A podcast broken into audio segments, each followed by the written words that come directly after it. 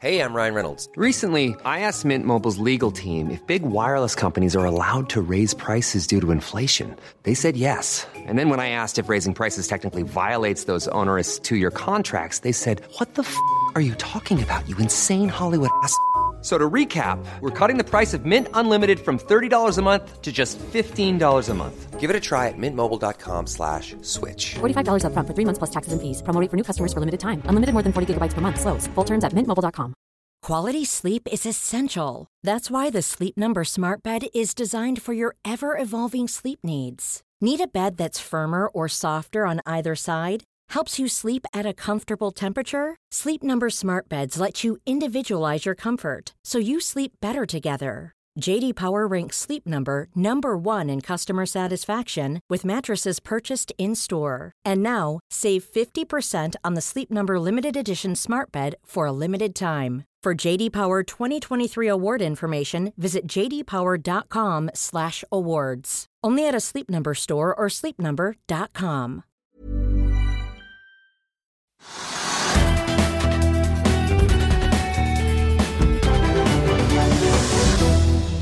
Velkommen til Økonominyhetene og en eh, ny uke her hos oss i Finansavisen. Det er blitt mandag 14. mars. Hovedindeksen har svingt opp og ned i løpet av dagen. Ligger nå så vidt i pluss med 0,0 0,05% oppgang etter en samlet oppgang på 0,32% i forrige uke. Det betyr at vi i hvert fall så langt i år, eh, hvis vi ser på utviklingen, er ned en, rundt en halv prosent på hovedindeksen. Rundt oss i Europa i dag så er eh, egentlig det stort sett grønt eh, rund baut. Bl.a. dagsindeksen i Frankfurt er opp hele 2,2% og det Dermed fortsetter jo da mye av den store usikkerheten og de store svingningene vi har sett den siste tiden, særlig da i forbindelse med Russlands invasjon av Ukraina. På Wall Street så ser det ut som vi får en litt blandet start ut fra futuresene, og oljeprisen den er litt eh, ned i dag, på rundt 108 dollar fat i spotmarkedet på nordsjøoljen. Amerikanske lettoljen ligger på rundt 104 dollar og er ned 4% det bidrar også til at f.eks. Equinor er ned fra toppen vi så 7. og 8. mars på rundt 320 kroner aksjen på det meste. Den er i dag ned 0,7% til 285, men fortsatt godt over de forrige toppene vi så i 2008 og 2018 på 215 og 230 kroner. Flere andre oljeaksjer faller også ganske mye i dag. Aker BP er ned 3,9% Vår Energi 1,6 og DNO faller nesten 7% Men der eh, får vi jo da ta med at aksjen handles eksklusivt utbytte på eh, det som utgjør da nesten halvparten av eh, nedgangen. Vi skal få for øvrig teknisk analyse av Aker BP-aksjen litt senere i sendingen. I motsatt ende så bidrar bl.a. Yara med en solid oppgang til 3,5% og de sammen med Bakkafrost, Kongsberg Automotive og en del finansaksjer som Axactor og Beto Holding bidrar til å holde hovedveksten litt eh, oppe. Så vil vi også ta med at eh, Nordic Nanovektor har jo da falt kraftig ned til 13 kroner den siste tiden. Nå er DNB-analytiker Patrick Ling ute. Han har jo hatt et kursmål på aksjen på 31 kroner, men han har da justert dette ned nå til 26 kroner, men gjentar en kjøpsanbefaling. Og øh, Hvis det da holder, så snakker vi fort om en dobling på øh, aksjekursen fra i dag. Den aksjen er opp øh, litt over 4 i dag. Før vi kjører videre, så vil jeg bare minne om at hvis ikke du rekker å se denne sendingen, så kan du også høre den ved å søke opp Økonominyhetene på Spotify, Apple Podkast eller ved å gå inn på fano-podkast. Har jeg fått med meg Trygve Egnar her i studio. og Trygve regjeringen er jo i gang med budsjettkonferansen sin i en eh, hva skal vi si, ganske spesiell tid med både krig, inflasjon, skyhøye Hva som ikke er skyhøyt om dagen. Strøm, olje, bensin, gass, aluminium, alt. Og et krevende lønnsoppgjør. Og så kom det altså en melding fra Trygve Slagsvold Vedum i dag. Jeg vet ikke om han skrev den eh, i baksetet på bilen eh, på vei ut til Klekken hotell på Ringerike, men han er litt bekymret for overoppheting av norsk økonomi? Ja, altså Det er et litt morsomt poeng. fordi at uh, nå er da regjeringen Og de har selvfølgelig mange ekstra utgifter å ta hensyn til i budsjettet for 23. Det er det de holder på med nå. Og det, det, er klart De har brukt masse penger på å støtte næringer og enkeltgrupper. Og, så, så, det blir et ganske utgiftskraftig budsjett. da.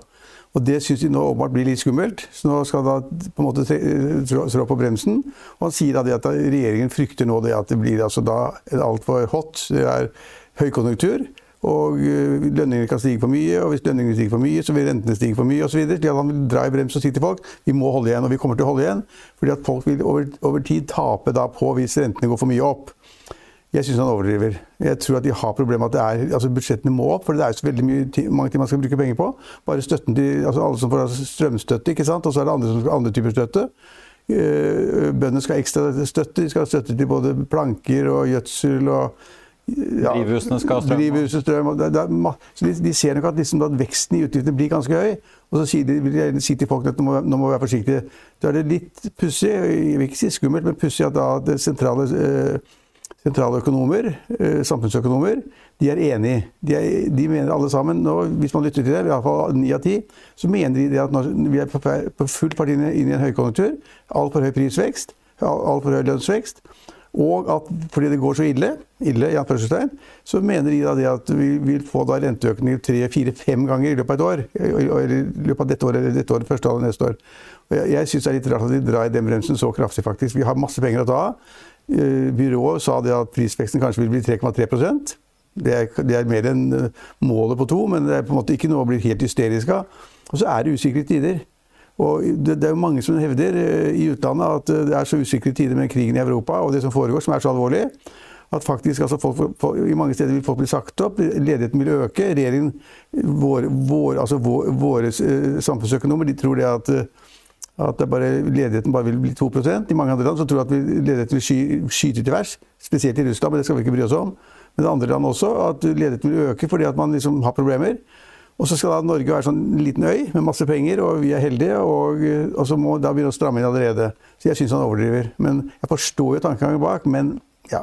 Og veldig lav eh, ledighet, for så vidt. Er det et signal inn til partene i lønnsoppgjøret, som vi jo vet er eh, veldig krevende? Ja, altså Det er åpenbart et signal til partene om at liksom, vi kommer til å måtte trå til. Vi kommer til å øke renten hvis det blir for høy lønnstillegg og andre tillegg, og vi bruker for mye penger. Det, jeg er ikke sikker på om partene vil bry seg så veldig mye om det. For de vil ha en reallønnsvekst, og de har fått høre fra byrået at prisveksten vil bli 3,3 Det kunne under visse omstendigheter vært 3,5, men de sier 3,3 og så skal de ha en reallønnsvekst, og da får de 3,8 eller 3,9% lønnsvekst, og det, det får de. Men kanskje 4, eller det er, det er jeg ikke sikker på. Men, men, men eh, akkurat det, dette at man da på en måte prøver å bekjempe en høykonjunktur som vi ja, det er litt tvilsomt om vi har det, da. Det er ikke opplagt i hvert fall. Det er jeg litt negativ til. Ja, for det er jo eh, veldig mange vanlige folk som Det svir jo ganske mye når bensinen er 25 kroner literen, Ja, ja. strømprisen koster det den gjør. Selv om man får litt støtte, så er det jo ikke fullt ut kompensert. Og Nei, men det er et veldig godt poeng, Marius. fordi at det- kjøpekraften til folk er jo under press. Ja da, det ser ikke ut som de helt forstår det. at Mange oppfatter jo det som en ekstra skatt. Altså Når bensinprisen er 30 kroner, så er- betaler folk da 10 kroner mer enn de pleide å gjøre, eller litt mer enn det også. Og det er en ekstra skatt eller avgift. Folk tenker det var jævlig mye penger som vi skal ut med dette her. ikke sant? Og så er det strømregninger som kommer og kommer og kommer, og vil komme helt ut i, langt ut i neste år, holdt jeg på å si. Eh, Og selv om de får en støtte fra staten, så vil det er, regningen vil for mange bli store. Enten det er 1500 kroner eller 7500 kroner for hus og hytter og greier. Så, og da vil også folk bli tappet for det. La, la oss si, kalle det en ekstraavgift eller ekstra skatt eller sånn. Og, derfor, hvis måte man drar inn så mye penger via disse prisene, så skulle man jo tro at man, da dempet man veksten litt. Da. Det var liksom at Man tok inn litt. Eh, Så, og det er et logisk argument for at kanskje regjeringen overdriver. fordi at eh, markedet ordner opp selv. nemlig at man må betale mer for disse varene. Så det, men så er det litt problematisk at hvis du går litt tilbake et år eller to, så brukte jo Sony lite penger. De sparte seg opp, ikke sant? så, så spareraten var veldig stor. Så de har mye å bruke, da. Men, men ja, du kan si at aksjemarkedet det er jo det er nesten flatt i dag, som du var inne på. Og det er fordi at folk er usikre på hva som egentlig kommer til å skje. Altså, norsk, norsk makroøkonomi er merkelig eh, case fordi. Altså, folk vet ikke helt hva de skal tro på. Og så har vi vært superheldige med, de høye energiprisene, både olje og gass, som gjør det at vi, liksom, som du sa, at uh, hovedindeksen har så vidt beveget seg pluss minus null i år, mens andre land har falt på 5 og 10 Europa er det nærmere 20 forte på en del mange steder er det, så vi har vært superheldige.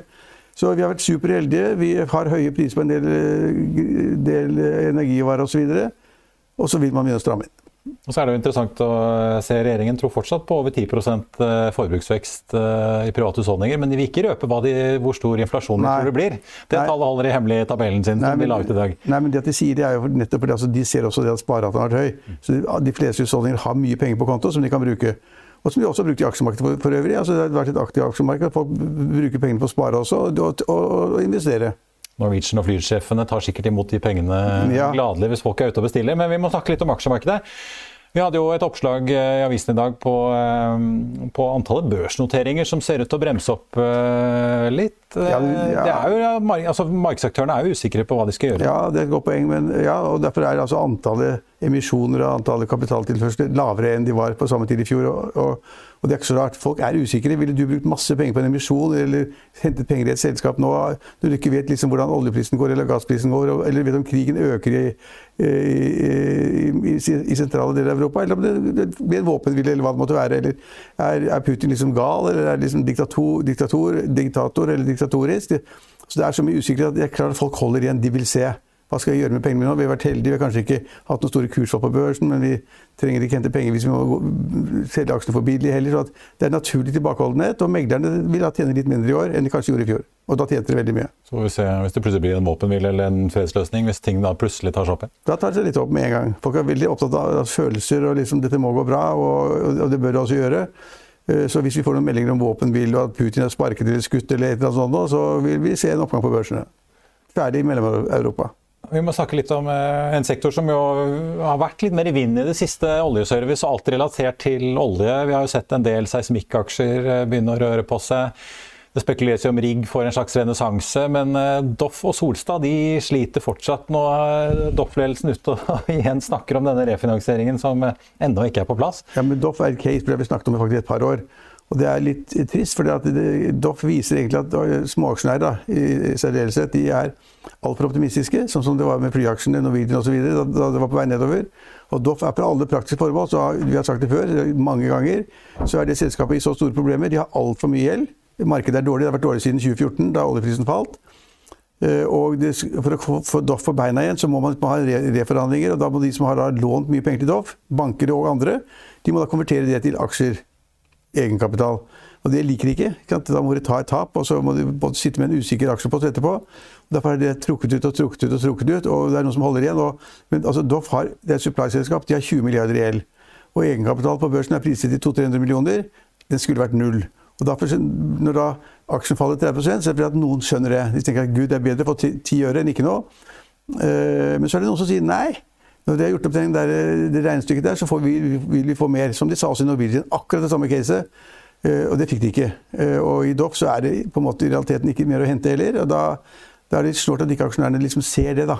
De er optimistiske, de har vært med hele tiden. De tror at det er en liten luring som kan dukke opp rundt hjørnet, men det er det stort sett aldri. Og Solstad, det har jo også vært, altså Bankene lar de jo holde på, da, så det må jo bety at de, bankene ser jo ikke noen andre løsninger inntil videre? Nei, men de har også et veldig godt poeng. Jeg tror bankene tenker som sånn at det har gått til helvete. Supplymarkedet er gone. Eh, det kan kanskje bli bedre hvis oljeprisen blir høyere, men det ser dårlig ut. Og så tenker de at vi banksjefer, vi andre, vi finansfolk, vi finansdirektører som har lånt penger til, til eh, Doff og andre selskaper, vi er ikke bedre enn Doff-ledelsen, tenker de. La de holde på å gjøre best ut av det. La de på en måte konvertere gjeld til aksjer, la de finne nye driftsformer, la de liksom samarbeide og gjøre det best ut av det. For vi banksjef X og Y, vi er ikke så jævlig gode på det, så lar de holde på. Og det er i Solstad, der er der har røkketatskontroll. Det er også en sånn konstruksjon av masse selskap som gikk dårlig. Og de, de slo jo sammen med en rekke ja. Ja. Og der er også det, det er det selskapet som har vært ned 88 i dag, og det er ned. Så supply-sektoren, den delen av offshore-sektoren, den går ikke bra. Så det har vært en oppgang mens jeg har, har vært borte noen uker. Vi har liksom fått, fått meg et nytt kne.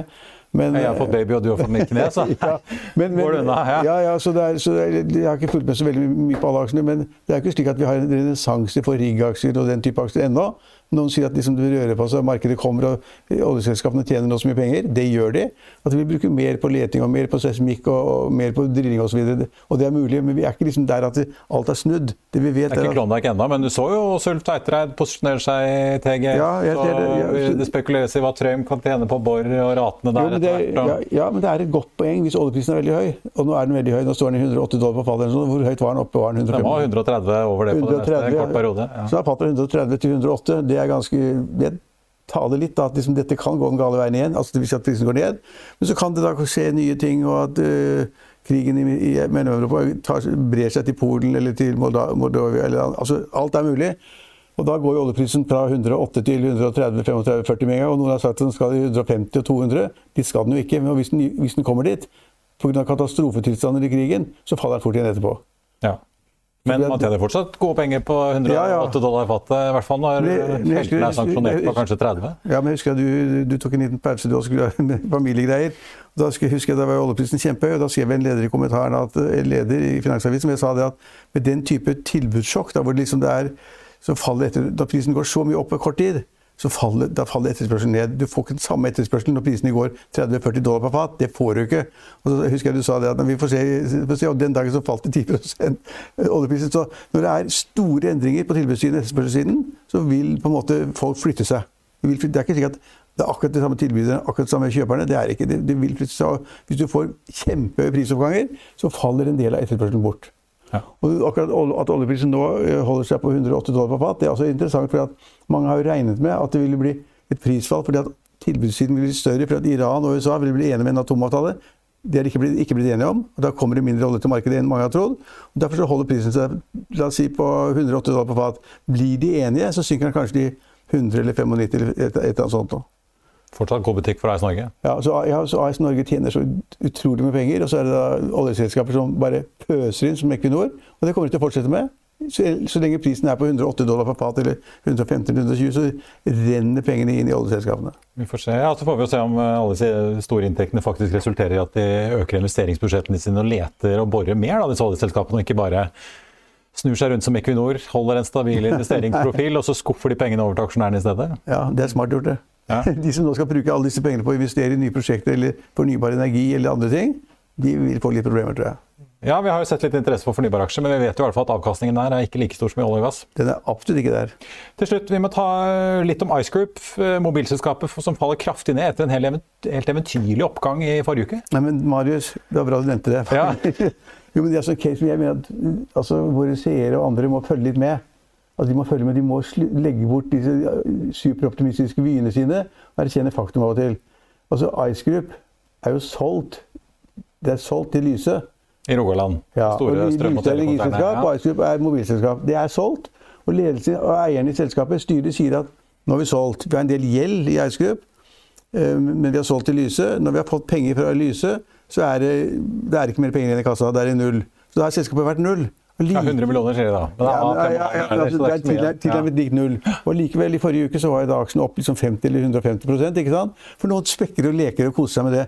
Men når ledelsen sier at det er ikke penger igjen, egenkapital er borte, da er den borte. Så da kan du leke med de pengene, men det er lekepenger. Ja. Og derfor når da kursen da plutselig går opp 50% eller 150 på en uke, så betyr det bare at det er, sitter mange nisser der ute som ikke skjønner hva som foregår. Den lå, øh, ligger i dag på 1 krone og nesten 20, men øh, gjør man regnestykket med da 100 millioner kroner delt på 200 millioner aksjer, så er det 49 øre og 50 igjen. Men da skal den det, da. Så da skal den vel det, da. Vi får se. Takk skal du ha, Trygve. Så tenkte jeg bare å nevne altså at denne meldingen fra Austevoll-baserte Doff, dette servicerederi- offshore-servicerederiet, kom altså på eh, tampen av forrige uke. Der skriver de at en restrukturering fortsatt er nødvendig grunnet selskapets betydelige gjeld, og at denne ennå ikke er på plass, og at det heller ikke er noen garanti for at de klarer å få en finansieringsløsning på plass. Det har jo vært sånn at En gruppe minoritetsaksjonærer i Doff eh, har vært bekymret for at eh, aksjonærene skal bli likebehandlet i en restrukturering, og siden i fjor sommer så har de klart å samle støtte fra stadig flere medaksjonærer. I begynnelsen av januar ble det jo klart at denne gruppen samlet sett kontrollerer 34% av de utstående aksjene i Doff, og dermed innehar negativ kontroll. Og ser vi på aksjemarkedet akkurat nå, så er Doff-aksjen ned 32,9 et kraftig fall i dag altså. Solstad Offshore som også er i samme bransje, ned 7,2% Og så var jo da Ice Group, som vi snakket om litt tidligere, ned nesten 32% etter den kraftige oppgangen vi så på tampen av forrige uke, onsdag, torsdag og fredag. Det er eh, bare fem timers tidsforskjell til USA nå, sånn at eh, der har eh, børsene nå åpnet. Det er, ja, Med unntak av Nasdaq som ligger i null, så er det opp 0,6% på Dow Jones og opp eh, 0,4 på SMP 500 da på ukens første handelsdag. Verdt å merke seg Occidental Petroleum Group ned 6,3 Dette oljeselskapet har da Warren Buffetts Berkshire Hathaway brukt halvannen milliarder dollar på å kjøpe seg opp nå i forrige uke, meldte CNBC her om dagen. Og Dermed er eh, aksjeposisjonen oppe til nærmere da ja, rundt 7 milliarder dollar. På Oslo Børs er hovedveksten nå ned 0,3% og det er bl.a. Aker BP, Hydro og Equinor som alle bidrar med litt sånn betydelig nedgang. Yara trekker i motsatt retning opp 2,5, mens Nell og Golden Ocean begge er ned over 6% hvis du da ser på listen over de mest omsatte eh, aksjene. I Finansavisen i morgen så skriver Trygve Hegnar eh, om at eh, det å beslaglegge oligarkenes yachter neppe bidrar til en rask løsning i Ukraina, og at vi heller må stenge gasskranene mot Russland. DNB-analytiker Patrick Ling spår en dobling i en biotek-aksje, og du kan lese om en stor bilaktør som nå setter penger i bruktbilgründerselskapet Rebil. Det var det vi hadde for i dag, men vi er tilbake i morgen klokken 14.30. Da blir det prat om krig og krypto her i sendingen. I mellomtiden får du som alltid siste nytt på fa.no. Mitt navn er Marius Lorentzen. Takk for at du så på, og så håper jeg vi ses igjen i morgen.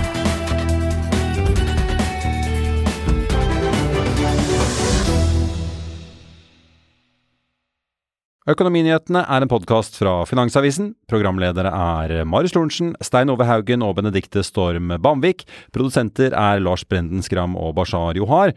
Og ansvarlig redaktør er Trygve Hegnar.